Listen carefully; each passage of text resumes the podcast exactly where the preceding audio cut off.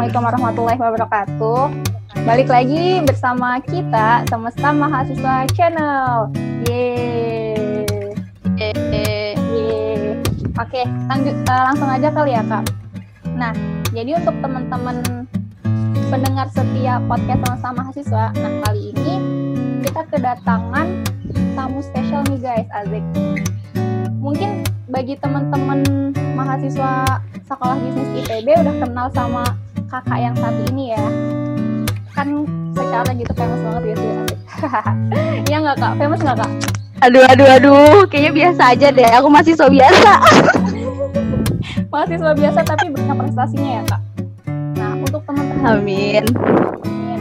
Nah untuk teman-teman yang belum tahu kakak ini siapa, jadi aku kenalin dulu ya profil singkat eh, dari narasumber kita hari ini. Jadi narasumber kita hari ini Beliau ini salah satu mahasiswa lulusan terbaik eh, sekolah bisnis di University tahun 2019. Iya nggak kak? Iya betul, 2019. Ah, keren banget kan ya. Dan Kak Fitri ini sekarang alhamdulillah. Alhamdulillah. Kak Fitri ini sekarang lagi menempuh S2 ya Kak di Magister Bisnis ya? Iya betul, masih di SB sih. Betah banget aku jadi mahasiswa SB. Gak apa-apa Kak, mana tahu kan dapat sesuatu gitu yang bisa dibawa pulang gitu Kak. Apaan sih? Aduh, amin. Doain aja, doain. Amin. ya jadi selain Kak Fitri ini cantik, pinter, Kak Fitri ini ternyata banyak banget loh prestasinya. Salah satunya itu Kak Fitri ini sudah menerbitkan banyak buku ya kak ya. Nah salah satunya itu yang berjudul Start to Up. Ya kan kak? Iya betul, alhamdulillah. Nah kita langsung aja kali ya guys, kita tanya-tanya ke Kak Fitri. Gimana sih? Boleh, boleh. Oke. Deg-degan nih, kita yang nanya. santai aja kak santai aja nah jadi gini kak kita kenapa mau ngundang kakak di podcast kita kali ini karena kita terinspirasi gitu ya sama sosok kak Fitri Kinasih gitu Azik boleh nggak kak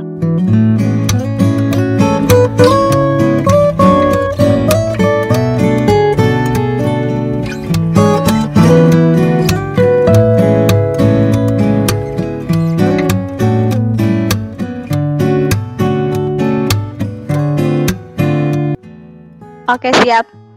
Eh, Iya, jadi pas awal daftar SNMPTN itu, dulu kan di 2015, eh, jurusan bisnis itu bener-bener baru ya.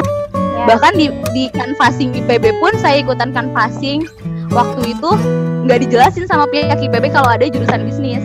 Nah baru tahu ada jurusan bisnis itu pas mau ngisi SNMPTN wah kok ada eh, namanya bisnis gitu kan.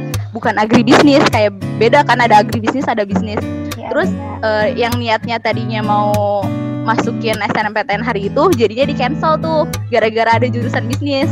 Kayak jadi ragu pilih ini enggak ya pilih ini enggak ya kayak gitu. Karena kan emang emang sebenarnya udah ada ketertarikan terhadap bisnis cuman dulu nggak tahu kalau misalnya di IPB ada bisnis awalnya. Jadi bener-bener baru tahu tuh ya pas waktu ngisi SNMPTN terus abis itu konsul sama orang tua ternyata dibolehin ya udah jadinya nempatin bisnis di pilihan kedua waktu itu dan alhamdulillahnya ternyata emang jalan takdirnya mungkin di situ yang lolos tuh justru di pilihan kedua nah yang sekarang Alhamdulillah. jadi hikmahnya nggak kebayang aja gitu kalau misalkan nan eh, saat ini atau waktu itu dilulusin di pilihan satu statistika kayak pas ketemu statistika bisnis saja kayak udah mulai aduh statistika kayak gini banget. Kayak gitu kan tahu sendiri kan gimana?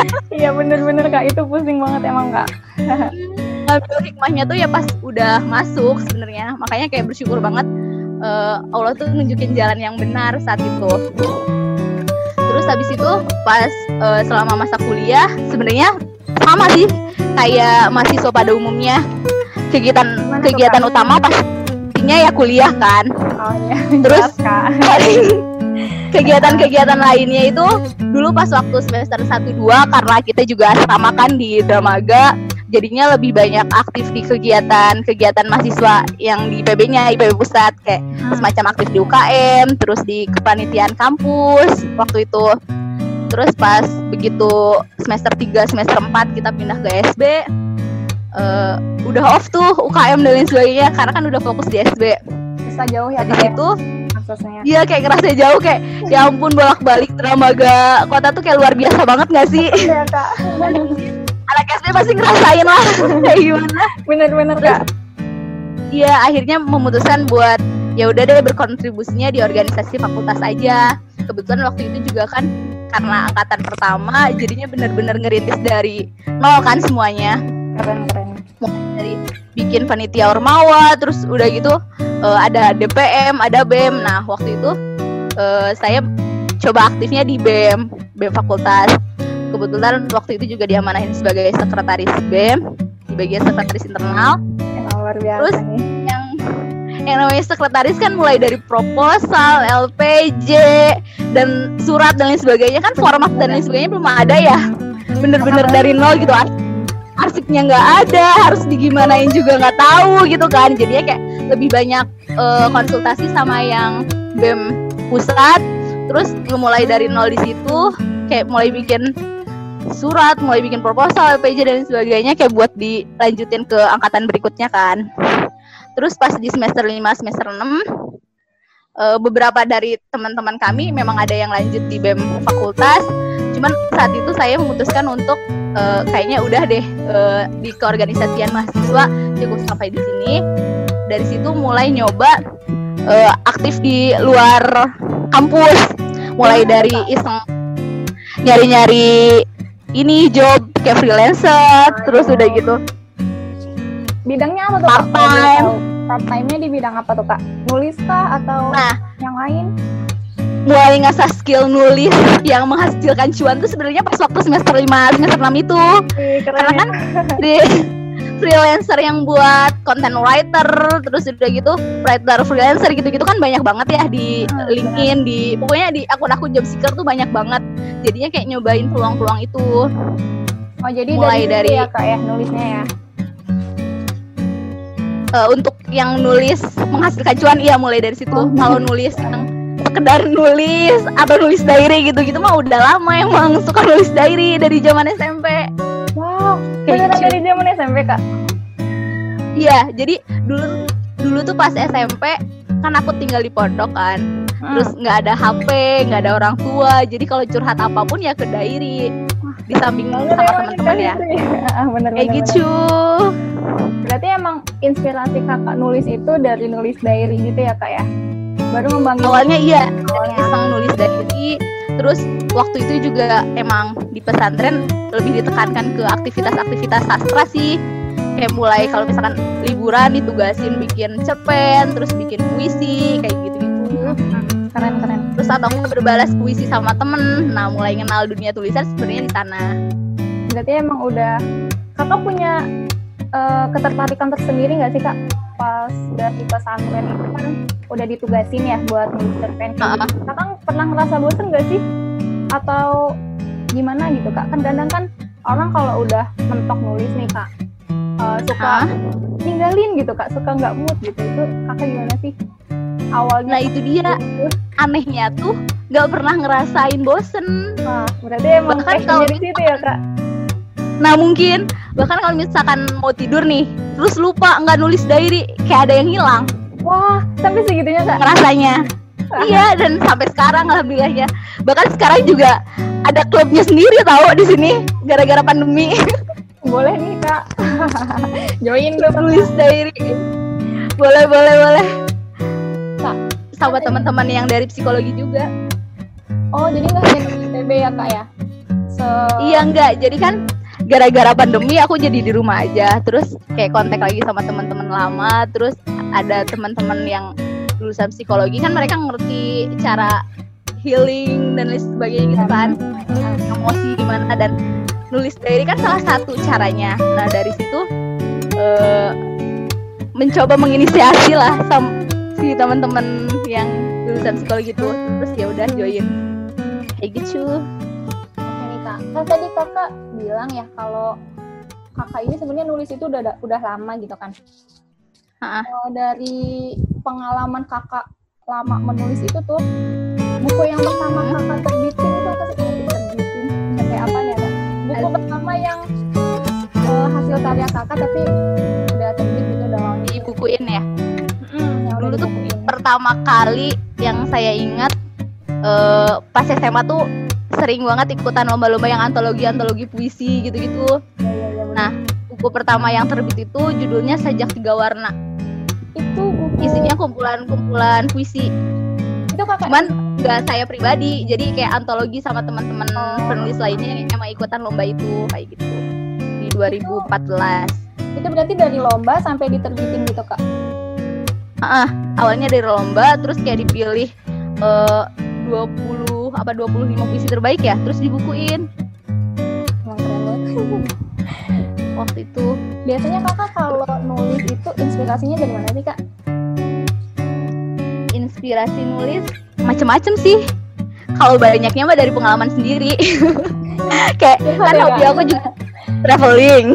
Ah, iya jatuhnya kayak curhat. Nah hobi hobi kan emang traveling. Nah selama traveling itu kan kita sering banget ya apa ya namanya eh, dapat pengalaman-pengalaman baru kayak berkunjung ke tempat baru kenal budaya baru bahkan punya kenalan baru experience baru. Nah dari si traveling itu biasanya dijadiin tulisan. Kalau buat yang di blog atau misalkan eh, buat cerita-cerita pribadi kayak gitu. Terus bisa juga dari pengalaman orang lain kayak yang buku startup itu sebenarnya eh, eh, gabungan dari kumpulan pengalaman orang-orang. Ide awalnya tapi saya fiksikan ke, ke, ke bentuk novel kayak gitu. Ngomong-ngomong tentang start to up nih kak itu kakak berapa lama sih nulis supaya jadi satu buku start to up gitu. Ini kan start to start to up kan buku kakak terbaru ya nggak sih kak? Mm, yang terbaru. Oh iya yang terbaru itu kira-kira kakak belum butuh belum butuh berapa lama gitu kak buat nulis start to up karena ini tuh eh, start to up ini kan relate banget ya kak sama jurusan kakak yang saat ini dan bahkan adik-adik tingkat kakak pun eh, tertarik gitu buat baca. Nah mungkin kakak boleh ngejelasin nih pengalaman kakak selama nulis buku start to up ini kayak gimana dan pesan di dalamnya itu gimana sih kak? Oke oke siap. Eh, Sebenarnya yang buku startup ini awalnya tuh saya iseng eh, ngajuin naskah novel tapi eh, bukan startup ya, kayak novel yang lain, cikal bakalnya. Terus udah gitu eh, ke Gramedia, terus udah gitu eh, ada beberapa revisi, komentar dan sebagainya sampai akhirnya bikin alur baru, terus nulis baru tuh yang startup. Jadi startup itu cikal bakalnya sebenarnya bukan itu, bukan kayak gitu gitu cuman gara-gara genrenya beda Alex Media kan mintanya yang emang bisnis banget kan bisnis dan improvement self gitu. Jadinya kayak di alurnya agak diubah-ubah terus akhirnya jadi startup itu saya mulai nulis di awal Oktober tahun lalu. Awal Oktober tahun la- eh, tahun lalu 2018 awal Oktober 2018 Tahun- terus udah gitu eh sampai dimasukin ke penerbit itu di November pertengahan jadi kayaknya sebulan setengah deh Cepet banget ya kak ya? nulis novel itu Itu kakak nggak eh, kok bisa gitu bisa nulis secepat itu kan kak? Karena kan kalau nulis novel itu karena ada deadline oh, ada- oh ada deadline-nya kak? iya ada deadline jadi pas waktu itu kan antriannya juga panjang kan kita berusaha buat masukin sebelum akhir tahun Oh gitu. tadinya tuh harapannya pengen awal tahun. Soalnya kan awal tahun biasanya ada resolusi-resolusi baru kan biasanya. Cuman ternyata antrian tuh panjang banget sampai nunggu itu hampir enam bulan lebih. Baru dikabarin bisa naik cetak tuh Agustus 2019 pas udah lulus. Selama itu, kenapa? Selama itu. selama itu kalau penerbit mayor ya jadi yang lama prosesnya itu sebenarnya di waktu di editor mau naik cetak jadi ada antriannya kan.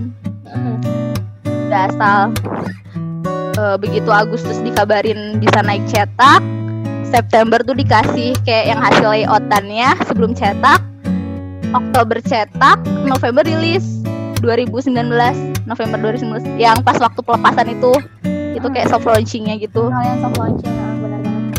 Udah berapa cetakan buku nih kak yang kejual gitu kak sampai, sampai sekarang gitu kak Untuk angka pastinya saya belum tahu pasti ya. hmm. Cuman masih cetakan pertama sih. Doain aja semoga ada cetakan berikutnya. amin emang berapa kak kalau boleh tahu aja sih kak cetakan pertama ini berapa berapa buku Di cetakan pertama ini 2.500.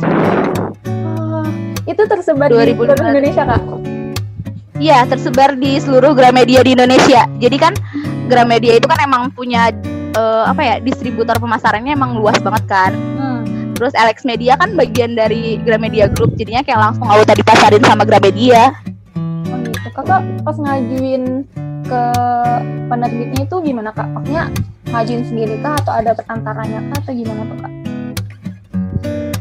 Waktu itu dipertemukan dengan Mas David yang penulis kedua, yang penulis keduanya kan kita nulis berdua kan Ya, di situ tercantum. Nah, jadi eh, sa- dipertemukan dengan Mas David. Kebetulan Mas David itu ada kenalan juga orang Gramedia, jadi yang banyak berhubungan dengan Gramedia sebenarnya lebih banyak ke Mas David sih. Oh, emang koneksi ya kak lagi-lagi ya kak? Di- lagi-lagi koneksi. Koneksi bener-bener. Dalam ada yang terjadi kalau misalkan nggak ada koneksi deh. bener-bener bener. Emang itu suatu hal koneksi relasi itu harus banget. eh, selama nulis nih kak, kakak ada kendala Hah? ada kendala tersendiri nggak sih kak? Atau kakak selama nulis nih punya belum apa gitu sampai mungkin kakak eh, down atau segala macam gitu, kak? Kendala tuh pasti ada aja sih. Mulai dari mood, misalkan kan nulis juga seringnya mood-moodan ya. Iya. Apalagi jenis tulisan juga banyak kan. Hmm. Terus waktu itu sem- eh, sempat rada pusing. Ada saat ada suatu ketika di mana saya harus nah, yang pas waktu lagi nulis novel itu kan di 2018 ya, Oktober November. Nah, itu juga udah mulai nyusun skripsi tuh, mulai kayak ngajuin judul gitu-gitu Jadi udah mulai bagi ya kak? jadinya kayak bentrok antara antara nulis sastra sama nulis ilmiah apalagi kan genrenya beda banget ya bener-bener beda sampai akhirnya di skripsi saya itu pas ujian masih ada beberapa kata yang bahasa novel terus di komen sama penguji mbak saya tahu mbaknya penulis kayak gitu tapi nggak di skripsi Iya, juga Kak. Emang contohnya Sampai segitunya. Contohnya gimana tuh kak? Kalimat kalimat di novel yang masuk ke skripsi itu gimana tuh kak? Satu Oh, contoh. waktu itu apa ya pokoknya di di di bagian awal-awal deh latar belakang kalau nggak salah waktu itu saya ya, di Kak? komentari kayak lebih ke antara sastra sama populer sih jatuhnya tapi bukan tulisan ilmiah itu emang bukan kata-kata ilmiah kayak gitu Kata-katanya ambigu ya kak ya? Bagus banget iya kata-katanya. Nah kak, kan tadi katanya kakak pas nulis buku Start to Up barengan gitu ya sama kakak nulis skripsi. Itu kakak gimana sih Hah? ngebagi waktunya gitu kak? Biar bisa fokus keduanya gitu. bagi waktunya eh, kalau untuk nulis novel ini atau nulis yang selain kegiatan akademik saya lebih prefer di habis bangun tidur habis subuh sama sebelum tidur malam jadi di luar waktu itu ya udah buat kegiatan yang lain Emang ngebagi waktunya tuh udah terjadwal gitu ya kak. Jadi nggak nggak bentrok istilahnya gitu ya. Tapi kakak pernah nggak sih ya pusing gitu mikirin skripsi iya, novel iya. Soalnya kadang eh, saya pribadi atau teman-teman yang lain mungkin ketika dihadapkan kepada dua hal gitu ya, nggak eh, pecah Hah? fokus gitu kak. Nah kalau kakak itu gimana sih? Tipikal orang udah yang- pasti sih itu Hmm.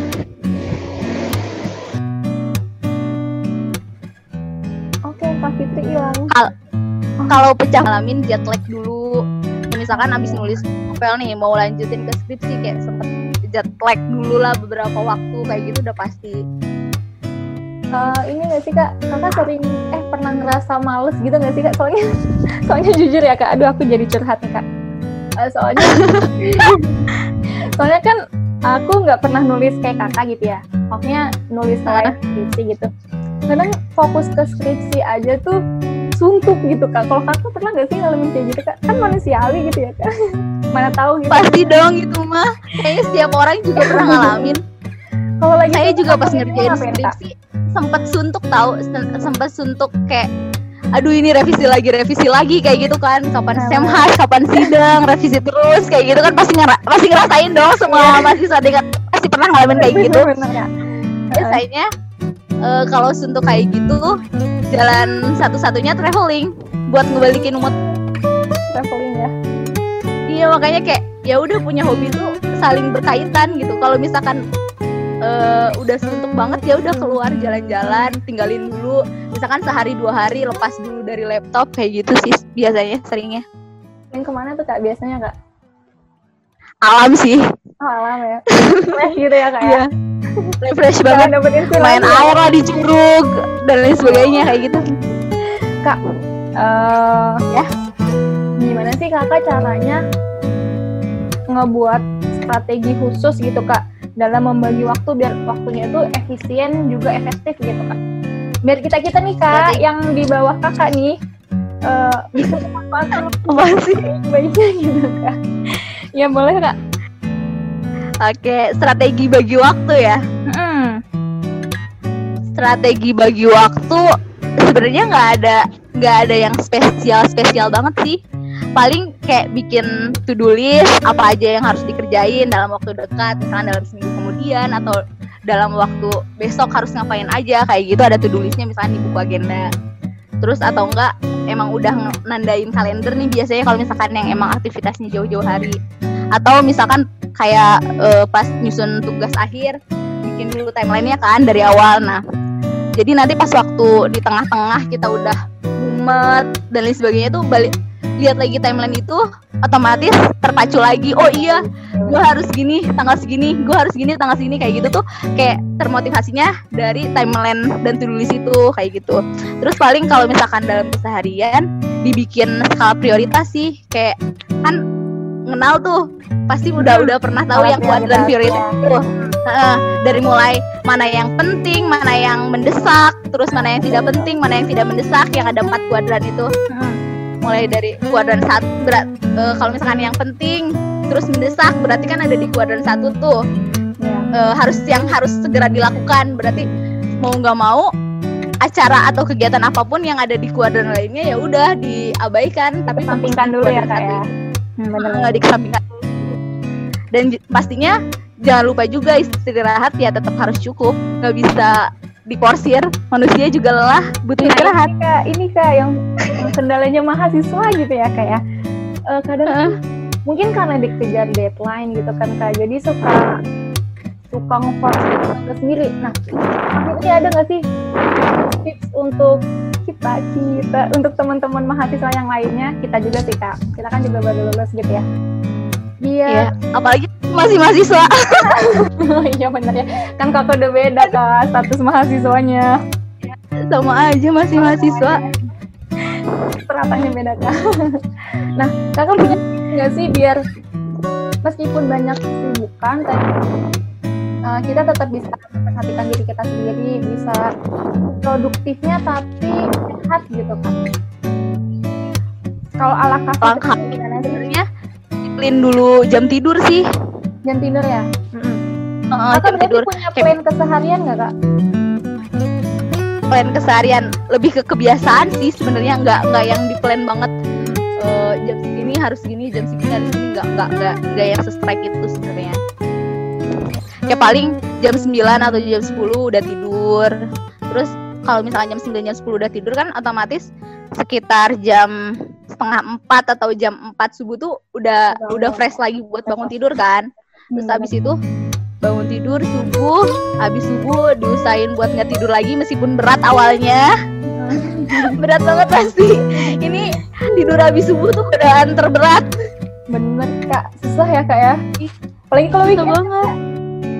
Nah itu weekend apalagi mahasiswa di kosan kan nggak ada yang Iya. merhatiin juga mau ngapain juga Tahu. Bener-bener, Kak. biasanya banget kak. lebih kayak yang banyak banget rebahan terus paling scrolling medsos kan? Sampai lupa waktu. Gitu-gitu. Sampai lupa waktu. Padahal kan itu kalau misalkan dilihat lagi di diagram prioritas bagian dari yang nggak penting dan nggak mendesak kan sebenarnya scrolling Itu, kak. Susah banget kak susahnya nggak bisa lepas susah. Nah kak kan tadi kak Fitri. Nah ini kak Fitri bilang ya eh, kak Fitri udah sekolah nih 12 tahun udah kuliah S1 4 tahun sekarang lanjut eh, S2 gitu ya kak Hah? ada nggak sih hal-hal yang ngebuat Kak Fitri itu kurang nyaman atau ngerasa bosen sama belajar terus gitu kak ada nggak sih pertanyaannya Kurang sih nyaman? aku banget sih kak Enggak, enggak, enggak. Apa kurang kurang nyaman atau nyaman. ngerasa bosan ketika Kak Fitri itu belajar atau di kelas lah minimalnya kan kadang kan penyakitnya mahasiswa itu kan suka ngantuk di kelas gitu ya kan itu ngerasa ini enggak sih? Bisa aja kan gitu seorang Kak Fitri beda dari mahasiswa yang lain gitu kan. Ya itu mah sama aja kayaknya. Tapi Kak Fitri nggak pernah tidur kan? Tidur di kelas alhamdulillah enggak sih. Alhamdulillah emang anak teladan banget ya kak cuman ya itu kalau misalkan udah ngantuk-ngantuk apalagi di SD kan bisa Hmm. keluar ngopi-ngopi dulu lah bilangnya itu di kamar mandi padahal nih ya. terus kan ini kalau orang SD tahu. Ini nanti dipublish. Kan aduh. Ya ampun. Nah, ya kayak gitu paling ngalih ngalihinnya ya kalau misalnya udah ngantuk-ngantuk keluar kelas sih. Hmm, cuci muka dulu atau enggak ya akhir dulu lah. Kak eh, kalau menurut kakak nih eh, biar kan tadi kan kakak aktivitasnya banyak banget gitu ya. Eh, organisasi nulis kuliah segala macam. Dan ngerasain ngantuk gitu ya kak di kelas. Nah biasanya kakak gimana sih ngembaliin eh, apa namanya mood kakak lagi buat terus belajar atau ngembaliin semangat kakak lagi gitu? Kadang kan orang kalau kebanyakan aktivitas itu kan ngerasa lelah gitu kan ya. Kak ya nah kalau kakak ini gimana sih ngebangun eh, semangat diri sendiri? Inget sama tujuan awal sih. Nah, apa tuh kak? Ya kayak kalau misalkan sebagai mahasiswa sampai sekarang juga masih mahasiswa kayak yang diingat ya harus ngikutin orang tua. Mereka juga udah udah ngasih kita fasilitas kan fasilitas dengan cara nguliahin kita masa kita sia-siain gitu buat yang kalau misalnya lagi moodnya nggak banget gitu. Terus kalau keseharian ya paling dengan cara dengerin lagu gitu-gitu. Kalau misalkan di kosan mah tapi kalau misalkan di kampus ya itu tadi keluar dulu bentar terus masuk lagi. Ada nggak sih perbedaan waktu kakak masih sekolah dulu sama sekarang? Kakak statusnya masih mahasiswa gitu kan walaupun S2 ada nggak sih perbedaan yang signifikan dalam hidup kakak gitu kan perbedaan signifikan. Sebenarnya nggak nggak terlalu signifikan sih. Mungkin kalau misalkan orang lain ngerasainnya dulu pas eh, sekolah masih tinggal di rumah terus udah gitu masih ada orang tua yang ngingetin dan lain sebagainya kan kalau buat belajar. Terus kalau udah mahasiswa eh, jauh dari orang tua terus nggak ada yang ngingetin harus mulai ngelola eh, segalanya sendiri. Mulai dari keuangan terus ngelola waktu sendiri mandiri banget gitu kan. Nah cuman karena saya pribadi ngalamin hal itu dari sejak SMP udah nggak tinggal di rumah jadinya kayak ya udah pesantren ya? udah Eh, dulu pas SMP pesantren terus pas SMA kos. Terus udah gitu eh, beda kota juga SMA kos beda kota. Jadinya pas waktu kuliah tuh ya udah udah kayak biasa aja gitu ngejalanin hal itu kalau dari eh, diri pribadi ya. Berarti memang eh, lebih mandiri gitu ya kak ya lebih mandiri karena kan Iya. udah nggak tergantung sama orang tua gitu kan kak. Maksudnya bukan tergantung nggak tergantung ya kita tetap semua anak pasti tergantung sama orang tua maksudnya nggak tergantung dalam tanda kutip gitu ya kak ya. Kayak kegiatan keseharian ya udah nggak diatur lagi gitu nggak diatur sama orang tua tapi kita sendiri yang bertanggung jawab buat ngatur itu kan Eh, kan kakak banyak banget nih ya pengalamannya.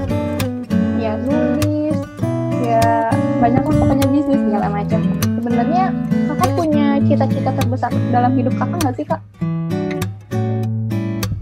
Cita-cita terbesar. Ya atau cita-cita. Masuk surga. Amin. Maksudnya selain itu. Amin. Iya semua iya kan? gimana kak. semua makhluk kan pengennya ke sana. Aja kak. Ya amin ya kak. Semoga. Maksudnya selain itu kak selain selain itu yang ingin kakak capai gitu kak. Atau kakak pengen dikenal orang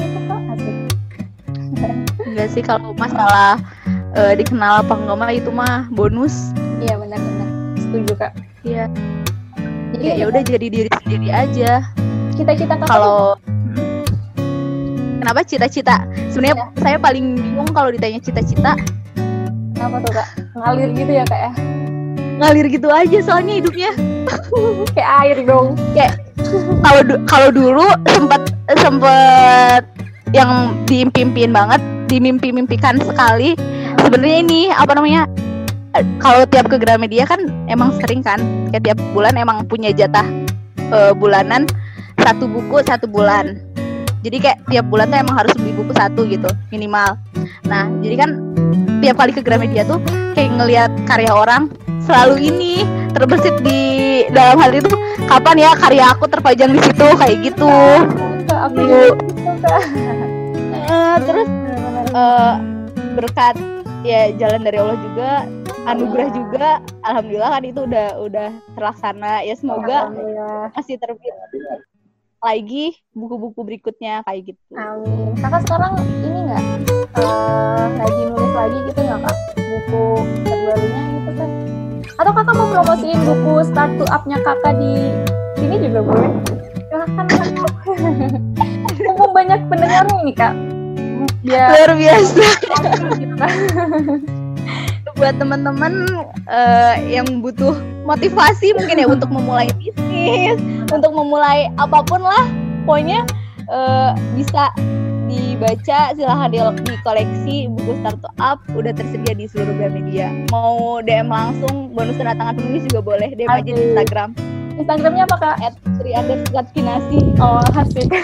Nah teman-teman yang dengar podcast ini jangan lupa ya untuk teman-teman yang eh, mau meningkatkan self improvement atau mau mulai bisnis gitu ya kak bisa baca bukunya Kak Fitri bisa udah tersedia di Gramedia seluruh Indonesia. Indonesia. Kita DM langsung ya kak kalau mau minta tanda tangan ya. boleh boleh boleh ada free tanda tangan sama bait kata di Asik. awal Keren banget Kak Fitri emang nih sangat menginspirasi sekali ya guys. Nah kak eh, ya? ngomong-ngomong cita-cita tadi gitu kan sama Hah? yang terbesar kakak sebenarnya apa yang memotivasi kakak biar tujuan atau cita-cita yang kakak impikan itu tercapai? Maksudnya apa sih yang memotivasi kakak gitu kak? Sampai kakak bisa jadi seperti ini Asik. Balik lagi ke ini sih pengen bahagiain orang tua sebenarnya. Kayak apa pun yang aku lakuin ya tujuan tujuan eh, yang memotivasi si niatnya biar tetap teguh ya itu. Motiva eh balik lagi ke ini ya. Eh, ingat orang tua Ke- selalu gitu ya kak? Ya ingat orang tua. Banget. sekali. Karena nggak ada kebahagiaan selain senyum orang tua gitu ya kak. Asik. Nah itu. Bener-bener bener mereka juga selalu mendukung dan mendoakan. Nah gitu kak. Doa orang tua itu emang Nggak mustajab banget. Segalanya tuh the power of doa. The power of doa bener-bener kak. Oh boleh nih kak untuk podcast selanjutnya gitu ya The power of doa. The power of doa. Iya. Orang tua. Iya. Ngomong-ngomong the power of doa nih kak.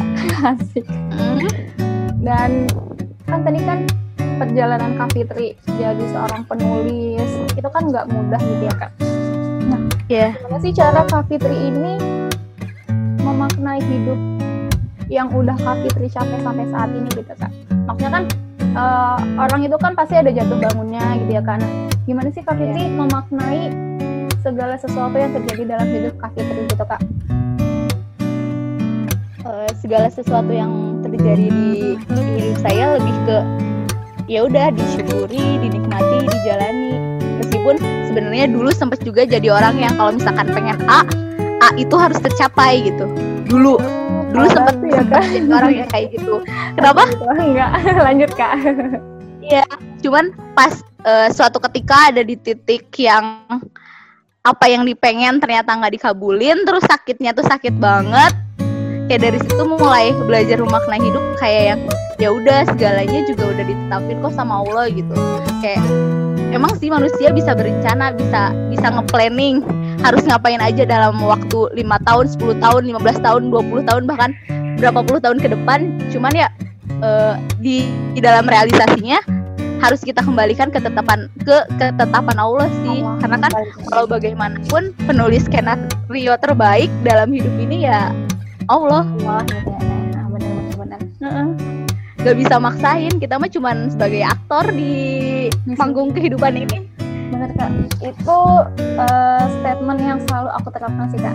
Kita ini kan cuma Iya. sebagai aktor, jadi ya udah kita ngikutin sutradaranya gitu ya kak. Gimana sutradaranya ya yang maha pencipta gitu ya kak.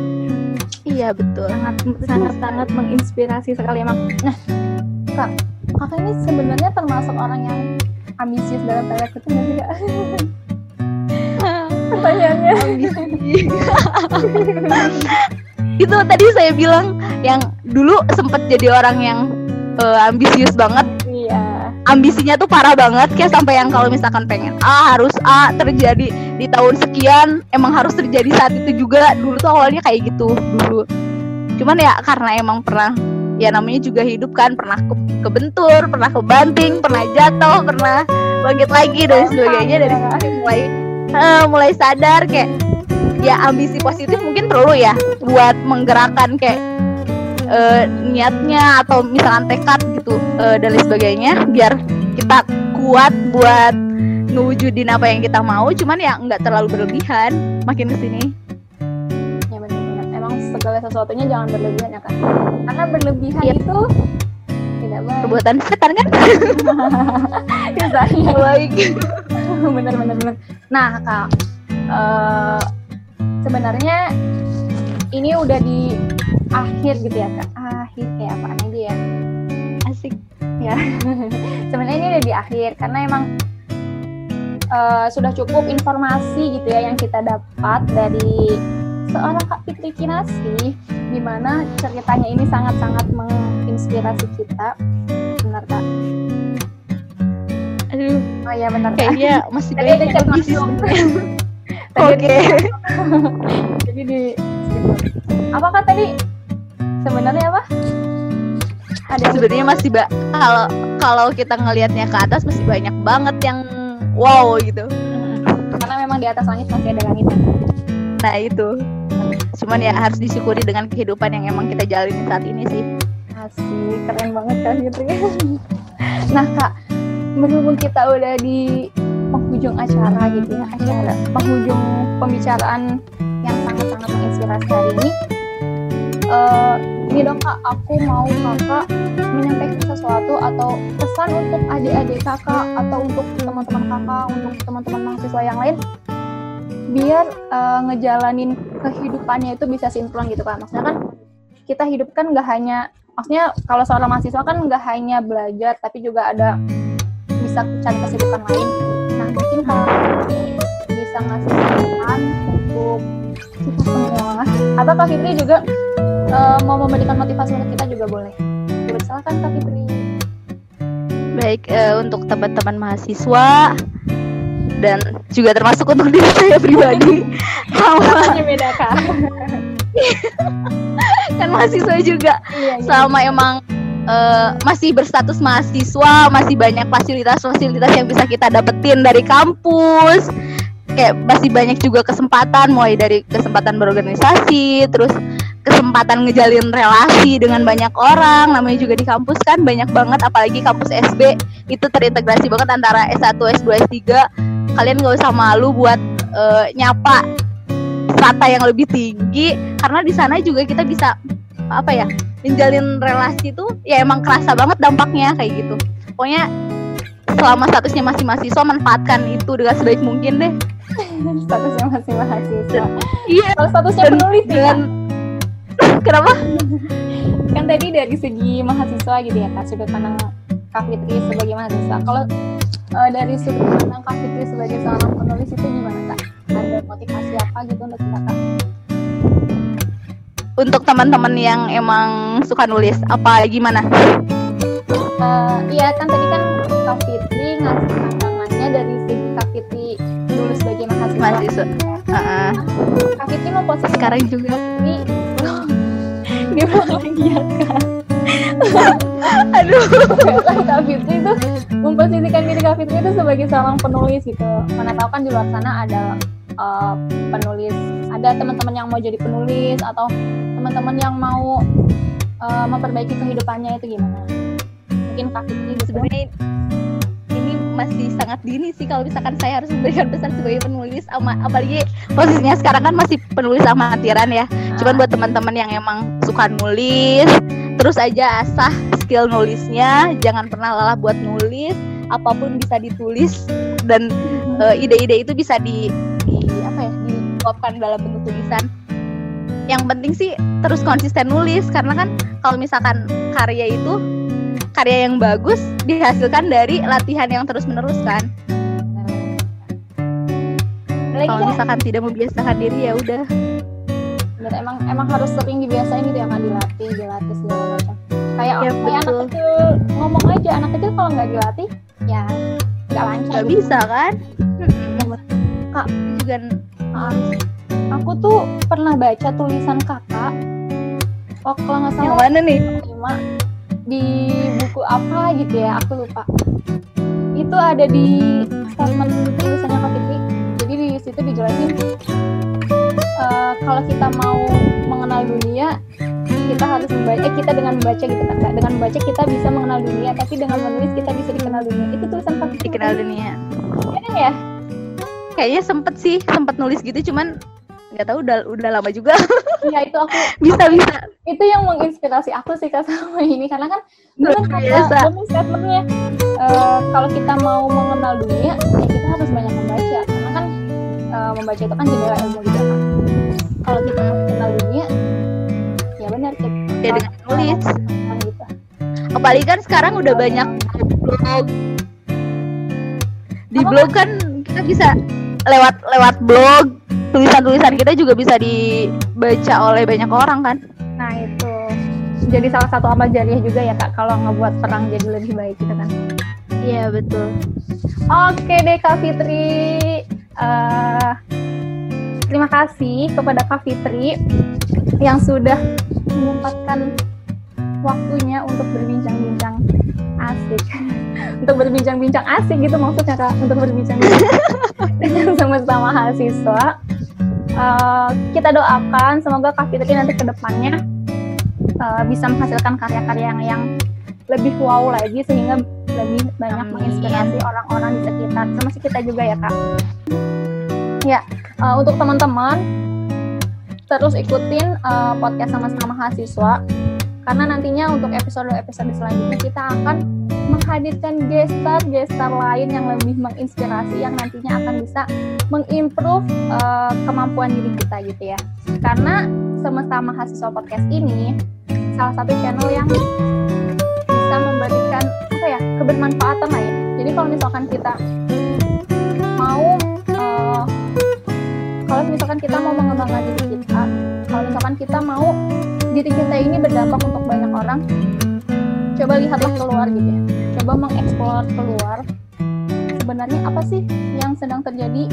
Nah, di luar gitu ya. Dan untuk mencapai apa yang ingin kita tuju cobalah buat ki- kita buat to-do listnya. Kita buat planningnya sematang mungkin. Bener tadi seperti yang Kak Fitri jelaskan gitu ya. Kita buat perencanaan sebaik mungkin buat realisasinya sebaik mungkin dan hasilnya kita serahkan sama yang maha kuasa. Oke guys. Mungkin betul kan ya Kak Fitri betul sekali Nah, sekian podcast kita hari ini, sekian bincang-bincang inspirasi kita hari ini. Jangan bosan-bosan untuk terus ikutin semesta mahasiswa karena nantinya di situ akan banyak hal-hal menarik, hal-hal unik yang akan kita kulik lagi. Oke guys, thank you untuk hari ini. Ya, kurang lebihnya mohon maaf. Assalamualaikum warahmatullahi wabarakatuh. Stay tune on semesta mahasiswa. Terima kasih Kak Fitri. Sama-sama mas mahasiswa